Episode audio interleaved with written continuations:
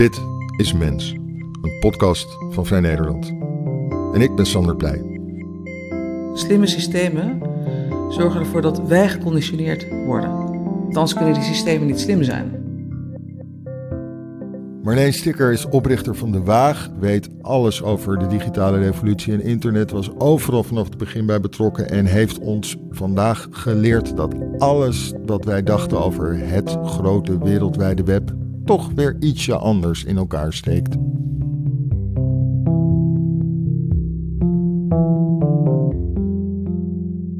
Marleen Sticker, dankjewel dat we bij je langs mogen komen in De Waag. We zitten hier in een waanzinnige prachtige ruimte. Het, je, zult wel de galm ook horen. Van, van wanneer is de Waag eigenlijk? Het gebouw stamt uit 1488, althans dat staat ergens in een steen gebeiteld. Het staat wel op oudere nederzetting. Uh, het oude stadspoort, onderdeel van de stadswallen.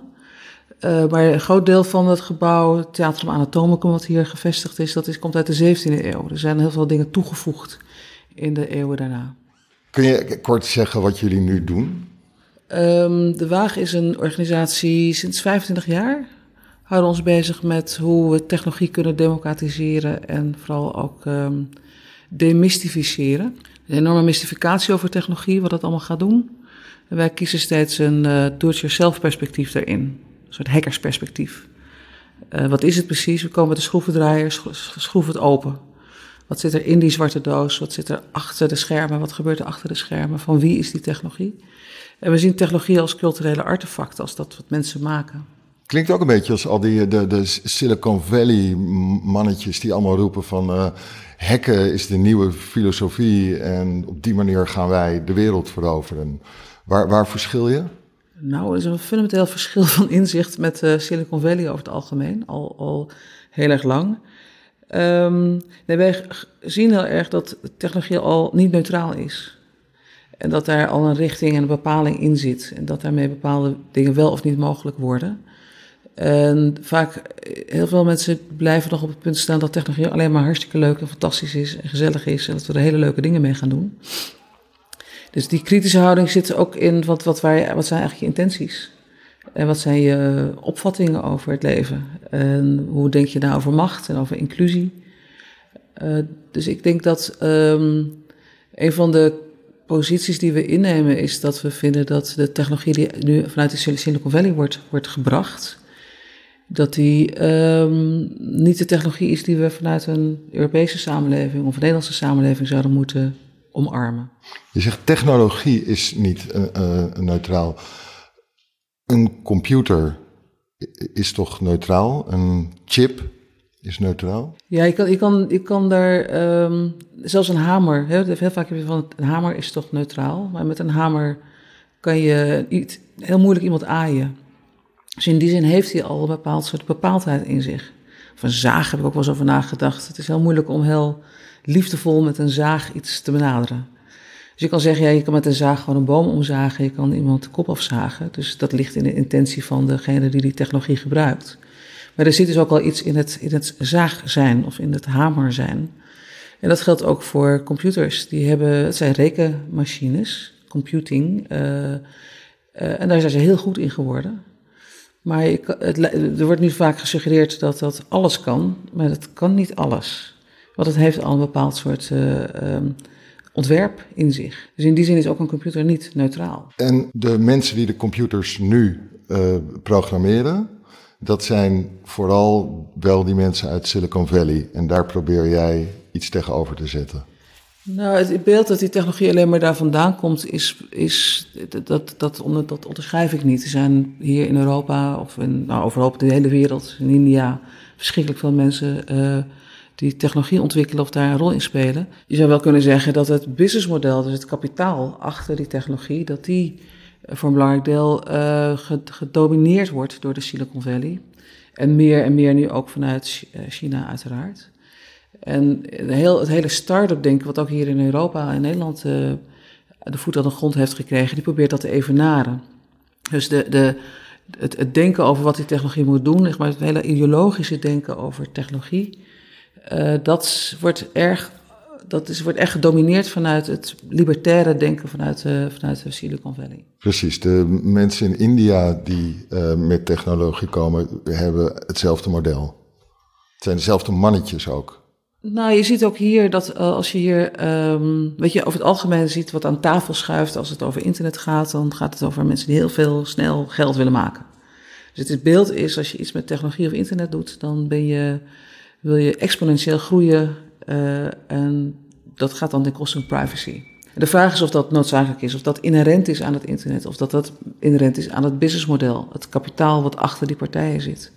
Je ziet dat heel veel start-ups hier moeten pitchen, verhalen vertellen. En dan moeten ze aan de investeerders laten zien dat ze heel snel uh, voor hun uh, het winnende paard in de race zullen zijn.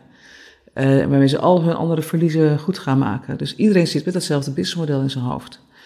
En dat businessmodel kan eigenlijk alleen maar bestaan door het verkeerde te verkopen.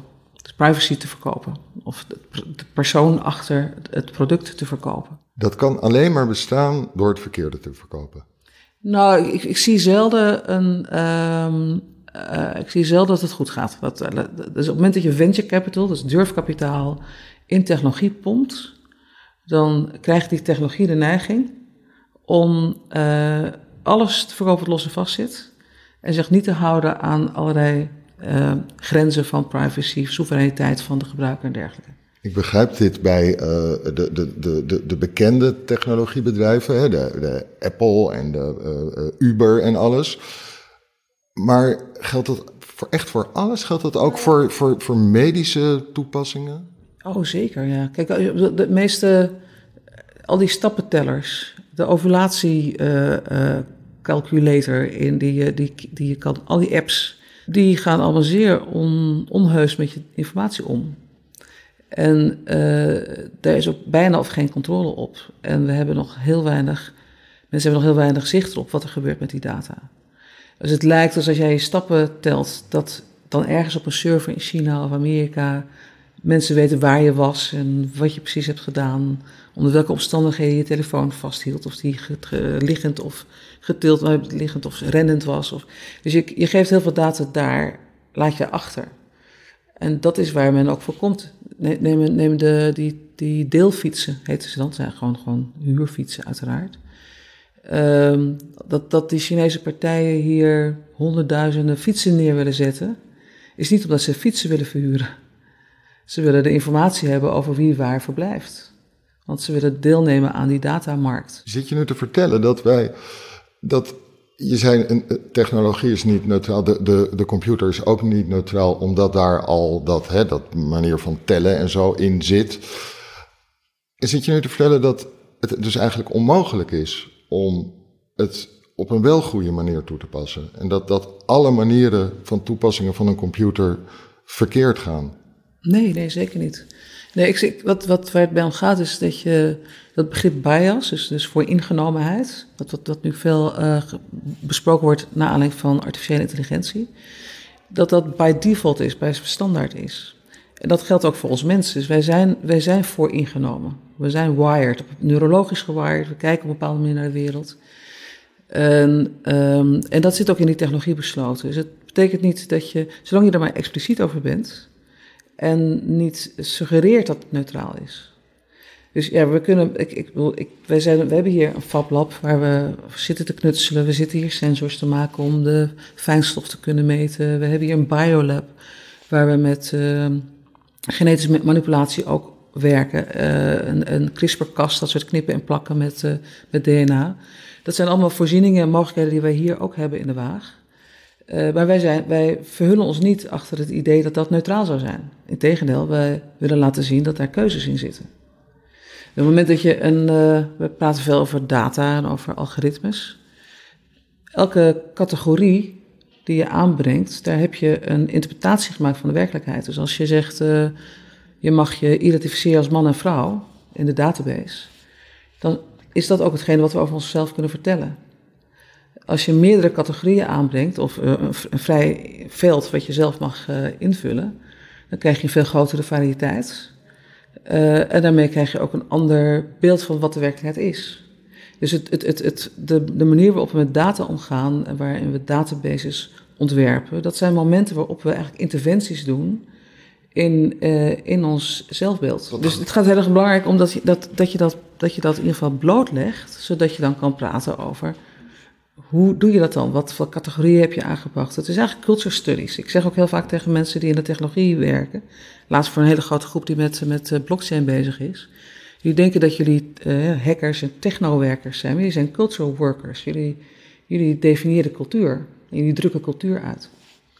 Dan ben je dus aan het terugvechten volgen, in een systeem dat al niet neutraal is. En je probeert gewoon je, je, je eigen vooroordelen probeer je eh, bloot te leggen. Daar probeer je over na te denken. Je probeert nieuwe, uh, nieuwe andere aannames te maken. En vanuit die aannames uh, te, te, gaan werken. Ja, we hebben hele dominante spelers op dit moment. En we hebben 25 jaar dat hele internet op zijn beloop gelaten. Dus als je kijkt, nu, als je kijkt naar, naar voedsel. Dan kan je geen. Er zijn heel veel wetgeving en interventies om te zorgen dat we geen dioxinekippen eten. nog steeds schiet af en toe een dioxinekip door, door, door dat hele fijnmazige netwerk van regelgeving, vergunningen en dergelijke, en eco-keuren en dat soort zaken. Um, en we vinden dat we mensen moeten beschermen tegen dat soort zaken. Als je kijkt naar de algoritmische zoekmachines, de social media, dan zijn we nog maar net begonnen met iets van een regelgeving, iets van een. Uh, dat hele vraagstuk van: zijn de zoekalgoritmes van Google openbaar? En uh, leesbaar voor ons en kunnen, zijn ze accountable, zoals het dan heet. Maar daar zijn we nog lang niet. Uh, zijn, de, zijn de zoekmechanismen uh, Facebook? Wat, wat, begint, wat speelt zich daar af achter de schermen? Dus een hele belangrijke factor om te zorgen dat je vat gaat krijgen op die technologie is dat je voor open technologie gaat. En dat je dat ook afdwingt. En tot dusver zegt die industrie van ja, nee, maar dat kan niet, want dat is ons businessmodel. Nou ja, dat businessmodel is dus ook zo verraderlijk. Uh, en je ziet dat, dat vanuit nou, privacywetgeving, maar ook vanuit überhaupt uh, uh, ook dat er, dat, we dat er qua innovatie nog weer nieuwe partijen kunnen toetreden. Zie je dat van alles in stelling gebracht wordt om die algoritmes wel bloot te leggen. En dat, dus ik, zie juist op dit moment, uh, ik, zou een jaar geleden, twee jaar geleden, een stuk uh, depressiever zijn hier aan tafel zitten, dan uh, als ik er nu naar kijk. Ik, ik heb jarenlang hebben, hebben mensen hiervoor gestreden, voor aandacht hiervoor. En het kwam maar niet boven voor het voetlicht. Maar nu is er daar heel veel gaande. En ook steden nemen hun verantwoordelijkheid of beginnen hun verantwoordelijkheid te nemen. Bijvoorbeeld uh, het niet toestaan van uh, facial recognition in straten, in camera's. Daar is San Francisco bijvoorbeeld, neemt daar het voortouw nu in. Dat zijn echt, echt wel hele cruciale stappen.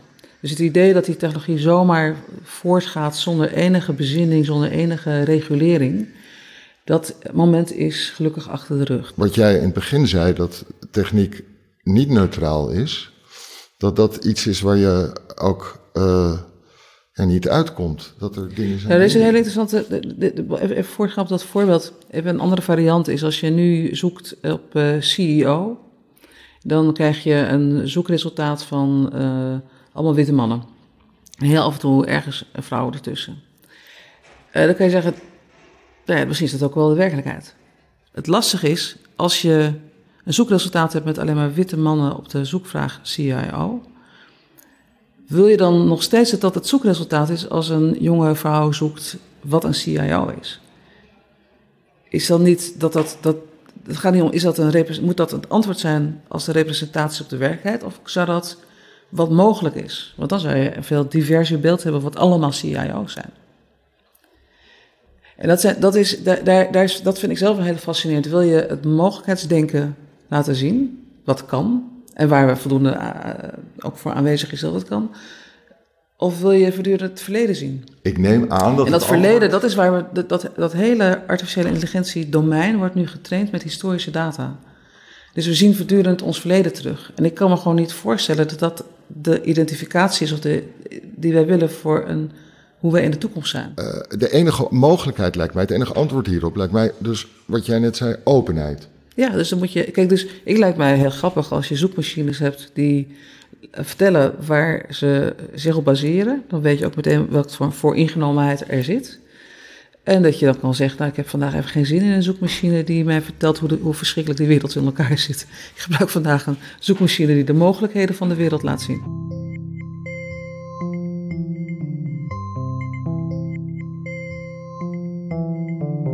Wel heel even terug naar het uh, uh, begin van de Waag. Jij, wat, wat, wat denk je dat je, je, je, je fascinatie en je interesse was in de nieuwe technieken die ons overspoelen? Ja, ik, dat probeer ik voor mezelf ook eens te bedenken wat het nou is. Want het is, het, het is, ik denk dat het toch echt ligt in dat ik nieuwsgierig ben um, hoe iets tot stand komt. Dus wat nou, wat nou achter de schermen gebeurt. Het systeem achter de manier waarop dingen zich uh, aan ons voordoen. Waarom doen de mensen dus? Wat zijn die regels waarlangs mensen iets doen? Maar het begon voor mij met het internet, omdat ik merkte dat het internettechnologie, toen ik, ik moest dat graag, wou dat gebruiken om mensen in voormalig Joegoslavië in contact te treden tijdens de oorlog daar in begin jaren negentig. En toen merkte ik dat, uh, dat internet een, ander, um, een andere architectuur had dan de gemiddelde computers. En dat was het gedistribueerde karakter van het internet. Dus ik raakte gefascineerd door de regels van het internet. En dacht, ja, dat zijn, die zijn heel erg interessant. Dit, dit zijn veel democratische regels dan die centrale systemen die we hebben. Dat was optimistisch. Het was iets moois. Ja, maar, dat, ja, maar kijk, dit, het is een, het is een, een, een, een, ehm, aan twee kanten snijdend zwaard. Dit is, nee, toen, toen. Is, Je was enthousiast. Ik was zeer enthousiast. Ja, ik, ik zag het als, een, als het democratiseren van de technologie. Als het, het, het mensen in handen geven van die, van die, van die uh, mogelijkheden van computernetwerken. Wat, dus ik zag het als een volgende stap. Ja, filosofie. Dus dat zou, brengt je niet. Nou, ik denk nu steeds, het is de beste studie om technologie te begrijpen. omdat, je, omdat je het ziet als een, als, een, als een systeem wat je kan doorgronden, waar je de principes achter kunt eh, herleiden. En, en, maar op het moment dat je die, die, die, op die manier kijkt, dan zie je ook, uh, het, dan herken je voortdurend ook dat in die manier waarop technologie ontworpen wordt, er ook allerlei opvattingen over macht en over positie en inclusie zit. En eerst leek dat internet leek dus een heel mooie, mooie manier om meer mensen toegang te geven. Nou, het internet, internet is, was een netwerk van netwerken, dus er was ook al een heel breed uh, netwerk van uh, meer NGO-achtige uh, toepassingen voor in de binnenlanden van Zuid-Afrika. was ook al internet, een variant van internet. Nee, internet zelf heeft, heeft altijd dat open karakter gehad en, en daar, is, daar is die strijd ook om. De strijd om netneutraliteit gaat over die strijd van een open internet. De, de, deze, deze karakteristieken. Maar je ziet dat er in de jaren negentig steeds meer bedrijven proberen vat te krijgen en overheden vat proberen te krijgen op dat systeem en het zich toe-eigenen of alsnog uh, allerlei permissiestructuren daarin brengen. Dus het is, je, je kan, internet is niet 100% uh, vrij toegankelijk. Integendeel zelfs, je krijgt uh, heel veel barrières inmiddels. ik probeer een beetje erachter te komen of je, of, of je een soort traject meemaakte waarbij je eerst heel enthousiast raakte en langzaam ontdekte van hé, hey, dit is toch niet helemaal wat we gewild hadden. Nee, nee dat is het niet. Die, die, die kritische houding ten opzichte van internet was er ook vanaf het allereerste moment. Uh, je, had, je Barlow, die kwam met de, de, de, de independence-verklaring, de onafhankelijkheidsverklaring van cyberspace, ergens in 96. En dat was echt zo van de, de, de, de oude wereld moet wegblijven van deze nieuwe wereld waar, we, nou, waar, waar wereldvrede zou gaan ontstaan. En bij, echt zo, zo, dat, dat was dat, dat, dat, dat, dat, dat utopische beeld dat simpelweg door dit nieuwe, deze nieuwe technologie alle problemen van de wereld zouden verdwijnen. Volgens mij hoort buiten een viskar langskomen. het lijkt heel mooi, de oude wereld. En uh, een jaar daarvoor was het al uh, Richard Barbrook en Andy Cameron die die Californian Dream blootlegde. Dus dat, dat, dat, dat, dat, dat denken wat in die Silicon Valley zit, dat in de technologie Sorry, de bevrijding zit. Die Californian, Californian Dream. Dream. Dus, dus als je nu kijkt naar de kritiek op, op, op Silicon Valley, dan gaat het over dat libertaire uh, wereldbeeld. Uh, dat technologie ons bevrijdt. Weet je, Pieter Thiel, de op, die ook mede in Facebook zit, de oprichter van PayPal, die heeft het heel scherp verwoord door te zeggen: uh, democratie is de duivel en technologie is God.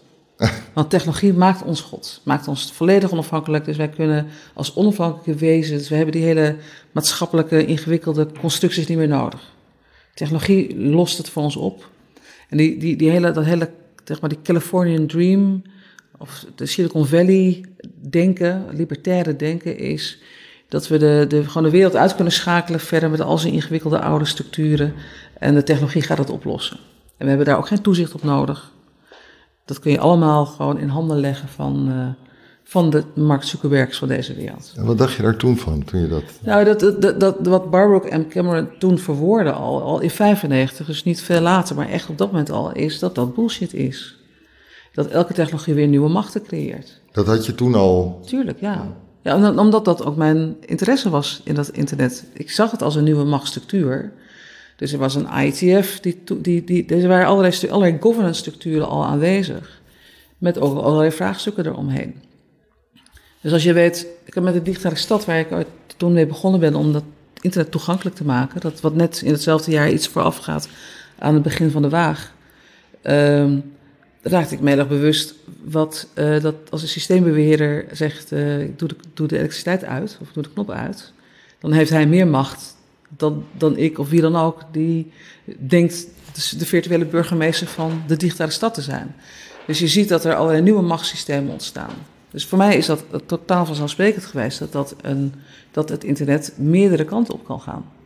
En er is ook een grote beweging geweest die geageerd heeft tegen gratis. gratis dus de Follow the Free is een hele campagne die we hebben gehouden om mensen te waarschuwen tegen gratis diensten. Nee, zo kan, maar je kan, je kan een hele, hele geschiedenis vertellen over die kritische houding ten opzichte van internet.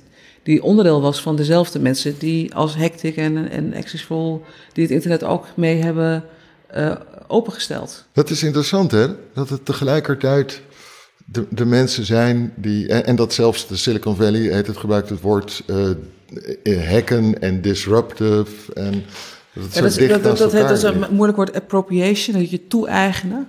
Dat is, dat is af en toe stuitend. Dat, hele, dat, dat is stuitend, of, of dat, dat het dan sociale media heet. Dat, dat, dat al die begrippen plotseling, dat, dat ook het begrip van smart. De smart city. Dat begrip, dat, is, dat is zo irritant dat die woorden even gepakt. Ik weet dat wij in 95, 94 eh, Smart TV hadden opgezet. Dat klonk toen nog heel erg grappig. En nu kan je dat woord niet meer horen of zien. Je denkt, dat, er gaat altijd iets achter schuil van... wij weten het beter dan jij, wij komen met een systeem... Uh, de boel eventjes uh, beter doen dan al die rommelige mensen die, die, die niet smart zijn. Dus het is een, die, die, die taal die toegeëigend wordt, is heel erg lastig. Heb je in de tijden ook die mensen ontmoet? De, de, de, de echte de, de, de vijand? ja, zeker. Ik, heb, ik heb, eh, ben denk ik een van de eerste met zo'n... Uh, volgens mij is dat ook ergens 94, 95 geweest. Zo'n zo'n tocht naar de Silicon Valley, een, een fact-finding mission. Daar, ben ik, was ik onderdeel van, samen met een groep mensen. En ja, ik, daar was het de, de, de belofte van de, de, de koelkast die zelf gaat bestellen. Die stond daar al prachtig te, te shinen bij Microsoft. Dat was al halverwege jaren de negentig. Ja, ja, die belofte die bestaat, die, die is nog steeds niet ingelost. Want die koelkast kan natuurlijk alleen maar slim zijn als wij precies op de juiste plek de spullen zetten. Dus het conditioneert ons. Hè. Dus slimme systemen zorgen ervoor dat wij geconditioneerd worden. Want anders kunnen die systemen niet slim zijn. Wij dienen het systeem. Wij dienen dat systeem. Dus wat, wat, dat, dat, is, dat is wat het problematisch is aan die technologieën, is dat het ons afdwingt om ons op een bepaalde manier te handelen, omdat anders het systeem niet kan functioneren. En dat gaat sluipende wijs, waardoor het uh, ook heel vanzelfsprekend lijkt.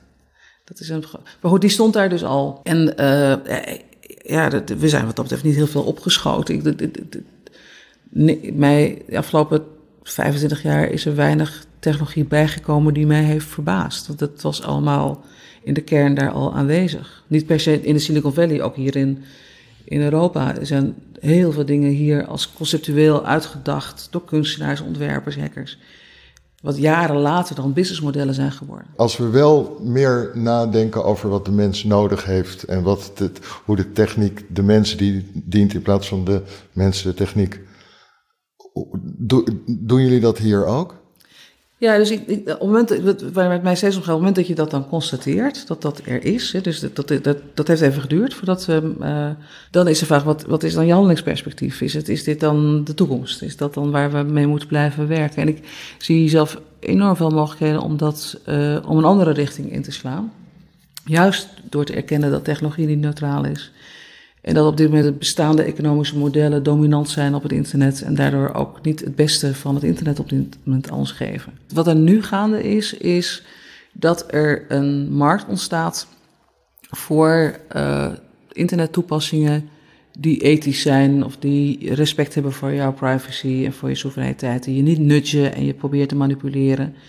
En dat begint, uh, dat zijn zoekmachines, uh, dat zijn platforms, uh, die, die zorgen dat je keuze hebt. Dat je niet per se gevangen raakt en blijft in, in de Google-platforms en de Facebooken. Nou, dat, dat heeft nog wel 15 jaar nodig om echt manifest te worden, maar dat, die, dat, die, dat is al ingezet. En je ziet ook dat daar wetgeving, regelgeving vanuit Europa, vanuit soms nationaal enorm veel effect op kan hebben. Dan krijg je niet helemaal, helemaal de geest mee in de fles. Maar ik denk wel dat je kan gaan afdwingen dat voor iedere burger die, dat die beschermd hoort te zijn in het digitale domein. En niet alleen maar voor de happy few. Ja. Die toevallig weet uh, welke app die wel of niet moet gebruiken. Ja, maar dan? Uh, en het, het, het, langere perspectief, en dat is, een, dat is vind ik een. Um, daarmee hebben we eigenlijk alleen maar dat. En dat is nog een enorme klus. Om dat voor elkaar te krijgen, heb je dat geregeld. Maar er zit, zit een, gewoon een, een dieper vraagstuk in dat mensen uh, zichzelf zo gaan identificeren met het verhaal dat artificiële intelligentie slimmer is dan ons. Er zitten een aantal narratieven in die me zorgen baren. En dat is dat, dat alleen al de claim dat uh, artificiële intelligentie ons overstijgt. Ik, ik, ik begrijp niet hoe het kan dat die claim zo met zoveel nagepraat wordt. Als je vanuit een ander perspectief kijkt, dan hebben we geen idee wat bewustzijn is. We, hebben, dat, er zijn nog, we zitten nog met een paar echt hele mooie vragen uh, waar, we, waar we gewoon niet eenduidig antwoorden op hebben. Als je meerdere verschillende mensen uit verschillende disciplines aan tafel zet, komen er hele andere antwoorden op. Dus ik zou, zou graag willen dat we, die, die, dat, dat, dat we uit het narratief stappen van artificiële intelligentie, wat echt een veel te dominant narratief is geworden. En veel meer aandacht gaan hebben over die vraag: wat is bewustzijn? Een, een van de perspectieven is uh, dat bewustzijn zoiets is als zwaartekracht. En op het moment dat je dat daarin meegaat even, dan begint er een hele nieuwe neurologische netwerken in ons hoofd te ontstaan.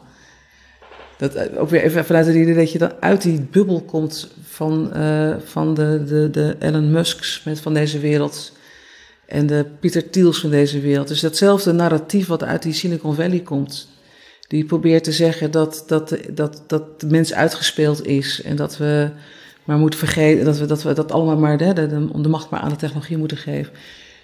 Dan moeten we echt uit. En ik denk dat er zijn zoveel interessante verkenningen die we kunnen doen met elkaar. Die veel meer ook vanuit, die ook weer ons laat begrijpen wat het lichaam is. Dus we hebben, we hebben 1,5 kilo micro-organismen in onze uh, ingewanden waarvan we nog maar nauwelijks weten wat die doen. En voor zover we iets weten, blijken die heel erg belangrijk te zijn in hoe we ons voelen en ons denken.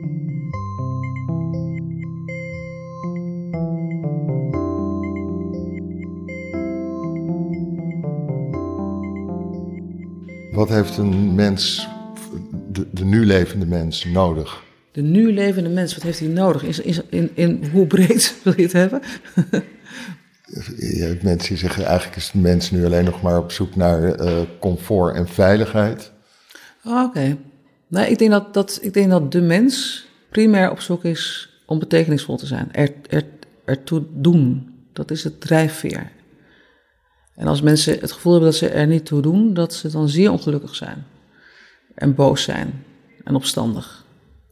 Dat is deels, denk ik, waarom er zoveel negativiteit, zoveel mensen zich buitengesloten voelen.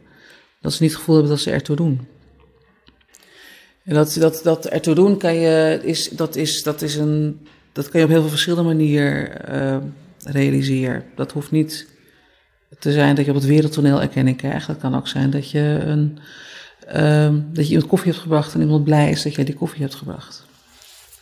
ik denk dat we, uh, Dus ik denk dat heel vaak wordt gedacht, streven naar geluk is het invullen van die uh, basale levensbehoeftes en dan een welvaart. En je ziet dat dat steeds niet klopt. Heel, we zijn op zich een heel, heel welvarend land, maar we hebben ook heel veel boze mensen. Dus er gaat kennelijk daar, dat die, er gaat iets mis in die twee. Die, het is niet zo dat als je welvarend bent, dat je dan ook gelukkig bent in de zin dat je niet boos bent of afgunstig of het gevoel dat je buitengesloten bent. En het, en het brengen van koffie, dat doet er dus niet meer toe. We hebben een wereld ingericht op transacties. En uh, relaties zijn zeer ondergewaardeerd. Terwijl we eigenlijk daar, daar gelukkiger van worden. Terwijl tegelijkertijd we dus de hele dag op Facebook zitten met elkaar in relatie te gaan. Ja, maar je ziet dat die, die platforms ook heel erg zelf uh, zijn geworden. Dus heel veel mensen zitten op Facebook omdat ze uh, ook uh, zich moeten manifesteren om gezien te worden. Um, en, en, en, en daarmee ook in, die, in, in, een, in een gigantische tunnel terechtkomen van, van, van erkenning en verslaving aan die erkenning. We weten natuurlijk ook heel goed wat voor een, weer een neurologische effecten uh, sociale media hebben. De kick van ik, ik doe er toe en ik krijg een like. Of ik heb, ik, ik heb zelf elke keer als er een ping is, dan denk je, ah, iemand heeft aan mij gedacht. Vaak zit er dan iets in wat je dan vervolgens moet gaan doen. Dat is helemaal niet leuk. maar dat, dat, dat, dat, dus het, zijn, dat, is, is de manier om, om bevestigd te worden in dat je ertoe doet. De, het, het, een relatie onderhouden via Facebook is iets anders dan iemand koffie brengen. Nou, de vraag is of het, of het relaties zijn die je daar, die je daar hebt. Of dat het um, kleine endorfine berichtjes zijn die elkaar stuurt. Maar... wel een, relatie betekent toch over tijd uh, iets wat zich ontwikkelt. Wat, wat, wat waar, eh, waar, waar wat multigelaagd is. Dat, dat is iets, een, een relatie met iemand opbouwen is vele malen complexer dan uh, iemand even een like geven. Ik denk dat, dat, dat voor zover je uh, stress ervaart levensstress, dat heel vaak uh, bestaat van, krijg ik wel de erkenning waarvan ik denk dat ik recht heb. Ik denk dat heel veel mensen daarmee worstelen. In wat, in wat voor een baan je ook zit, of in je familie, uh, of in de waardering van je vrienden, of, of online. Heel veel van onze stress bestaat daaruit, van worden we gezien en uh, begrijpen mensen wel wie, wat ik te bieden heb. En um, en dat, dat is voor mij soms een jaar eh, levensworsteling. Daar kan je gewoon je hele leven mee bezig zijn om dat een beetje op orde te krijgen. Op het moment dat je dat op orde hebt, kan je heel gelukkig zijn. Kan het zijn dat dit heel erg klinkt als een heel moderne tijdprobleem? Nee, ik denk dat, dat, uh, ik denk dat, dat in, in mensen zijn, kunnen alleen maar bestaan als sociale wezens. Het is al vaak eh, aangetoond dat als je niet geaaid of als je geen affectieve relatie hebt als baby, gaat het mis. Je kan gewoon, gewoon doodgaan aan geen affectieve relaties. Dus de, de, het, ook neurologisch ontwikkel je je anders. Als je, als je een, een liefdevolle, warme opvoeding hebt of, een, als je zonder, zonder liefde opgroeit. Ja. Letterlijk leidt dat tot, tot, tot, een andere manier waarop we functioneren. Ja, denk je dat, dat die techniek ook uh, kan zorgen dat we wel uh, op een zinvolle sociale manier met elkaar omgaan. Maar denk je ook dat er varianten op Twitter, Facebook, Instagram zijn die wel meer betekenisvol kunnen zijn voor mensen? Ik ben niet tegen sociale media. Ik ben tegen deze platforms en de manier waarop ze ons exploiteren. Ik ben ook grotendeels heb ik moeite met de manier waarop het ontworpen is, waardoor het heel veel van dit soort verslavings effecten tot gevolg heeft. dus je hebt ook zo'n begrip uh, time well spent. Dus je hebt privacy by design. Van, dat, dat, betekent dat je niet wilt dat, dat, je, dat je verkocht wordt en, en, en, en nou, dat hele verhaal. Nee, sorry, ik weet privacy by design. Privacy by design betekent dat je in het, in het ontwerp van zo'n platform zorgt dat je die data niet kwijtraakt. Dat kan vrij, daar zijn allemaal oplossingen voor en die kan je toepassen. En dan uh, hoef je niet, ben je niet voortdurend ben je vogelvrij. Uh, dat is. Um, dus dan voorkom je dat dat businessmodel van die, van die partijen alles weggraaien van je. Dat, heet, dat is maar die richting, dat is privacy by design. En je hebt ook een richting die heet, even grofweg, uh, time well spent. Dat betekent dat je niet genudged en gemanipuleerd wordt in de manier waarop je je tijd gebruikt en hoe verslavend, de verslavingseffecten van sociale media. Ook daar kan je anders in ontwerpen. Kan je, dat kan je in het ontwerp anders, anders maken. Waardoor je mensen helpt om niet verslaafd te raken. Daar zie je nog, nog niet zo heel veel van, vind ik. Bijna, bijna, bijna alles wordt gegamificeerd. En alles wordt als tot een spel gemaakt. En daar, ik zie daar nog, nog weinig, maar daar, ook daar zie je, zie je heel veel mogelijkheden. Dus de sociale media zelf zijn uh, zinvol. Je kan kennis delen, je kan. Al die dingen die we daar leuk aan vinden, vind ik zelf ook allemaal leuk. Ik vind het heel vervelend dat ik niet op Facebook zit. Ik weet heel veel feestjes niet meer. Ik, ik weet niet meer wanneer mensen jarig waren. Dus dat. Ja, sociaal heb ik er soms wel last van dat ik daar niet op zit.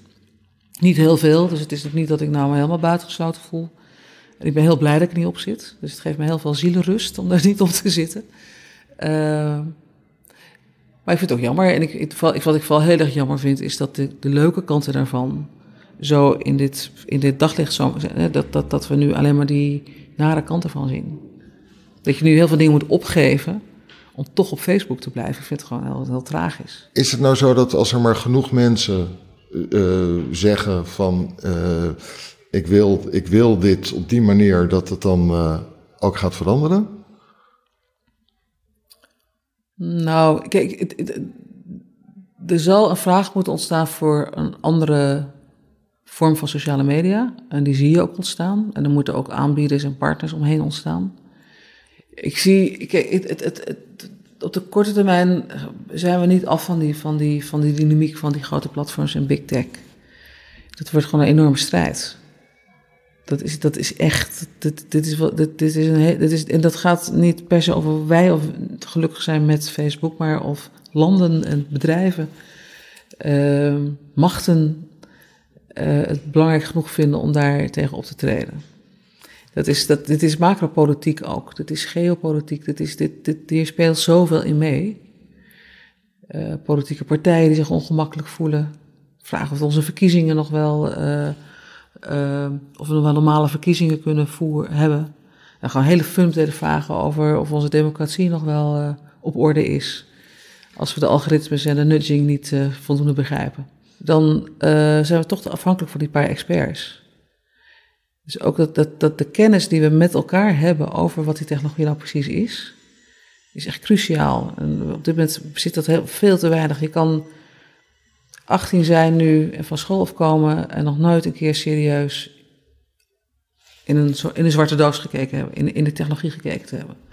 dat kunnen we ons echt niet permitteren meer.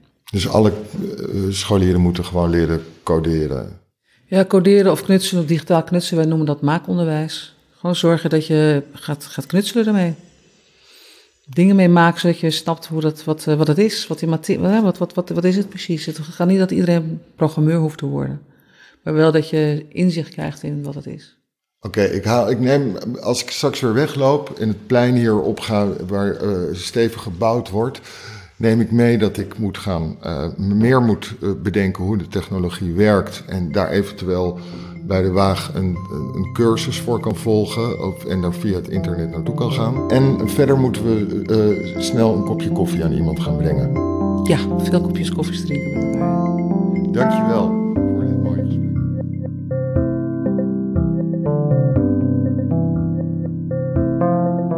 Je luisterde naar Mens, een podcast van Vrij Nederland. Sander Pleij ging in gesprek met internetpionier Marleen Sticker. In de volgende aflevering, tevens de laatste van dit seizoen, hoor je historicus Schenk Scheijen. Hij onderzoekt of er een parallel bestaat tussen de revolutionaire kunstenaars in Rusland begin vorige eeuw en ons huidige mensbeeld. Als je hebt geabonneerd, vind je de volgende aflevering als vanzelf in je favoriete podcast-app. Je kunt ook kijken op vm.nl/slash mens voor de nieuwste aflevering. Mens wordt gemaakt door Sander Pleij en Misha Melita.